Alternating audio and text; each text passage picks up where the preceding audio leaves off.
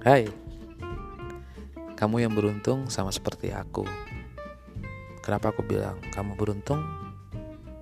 Karena kamu masih bisa sadar dan menyadari kamu dan aku sama-sama penuh sumber daya dan kita sama-sama ingin berubah menjadi yang lebih baik dari hari ke hari.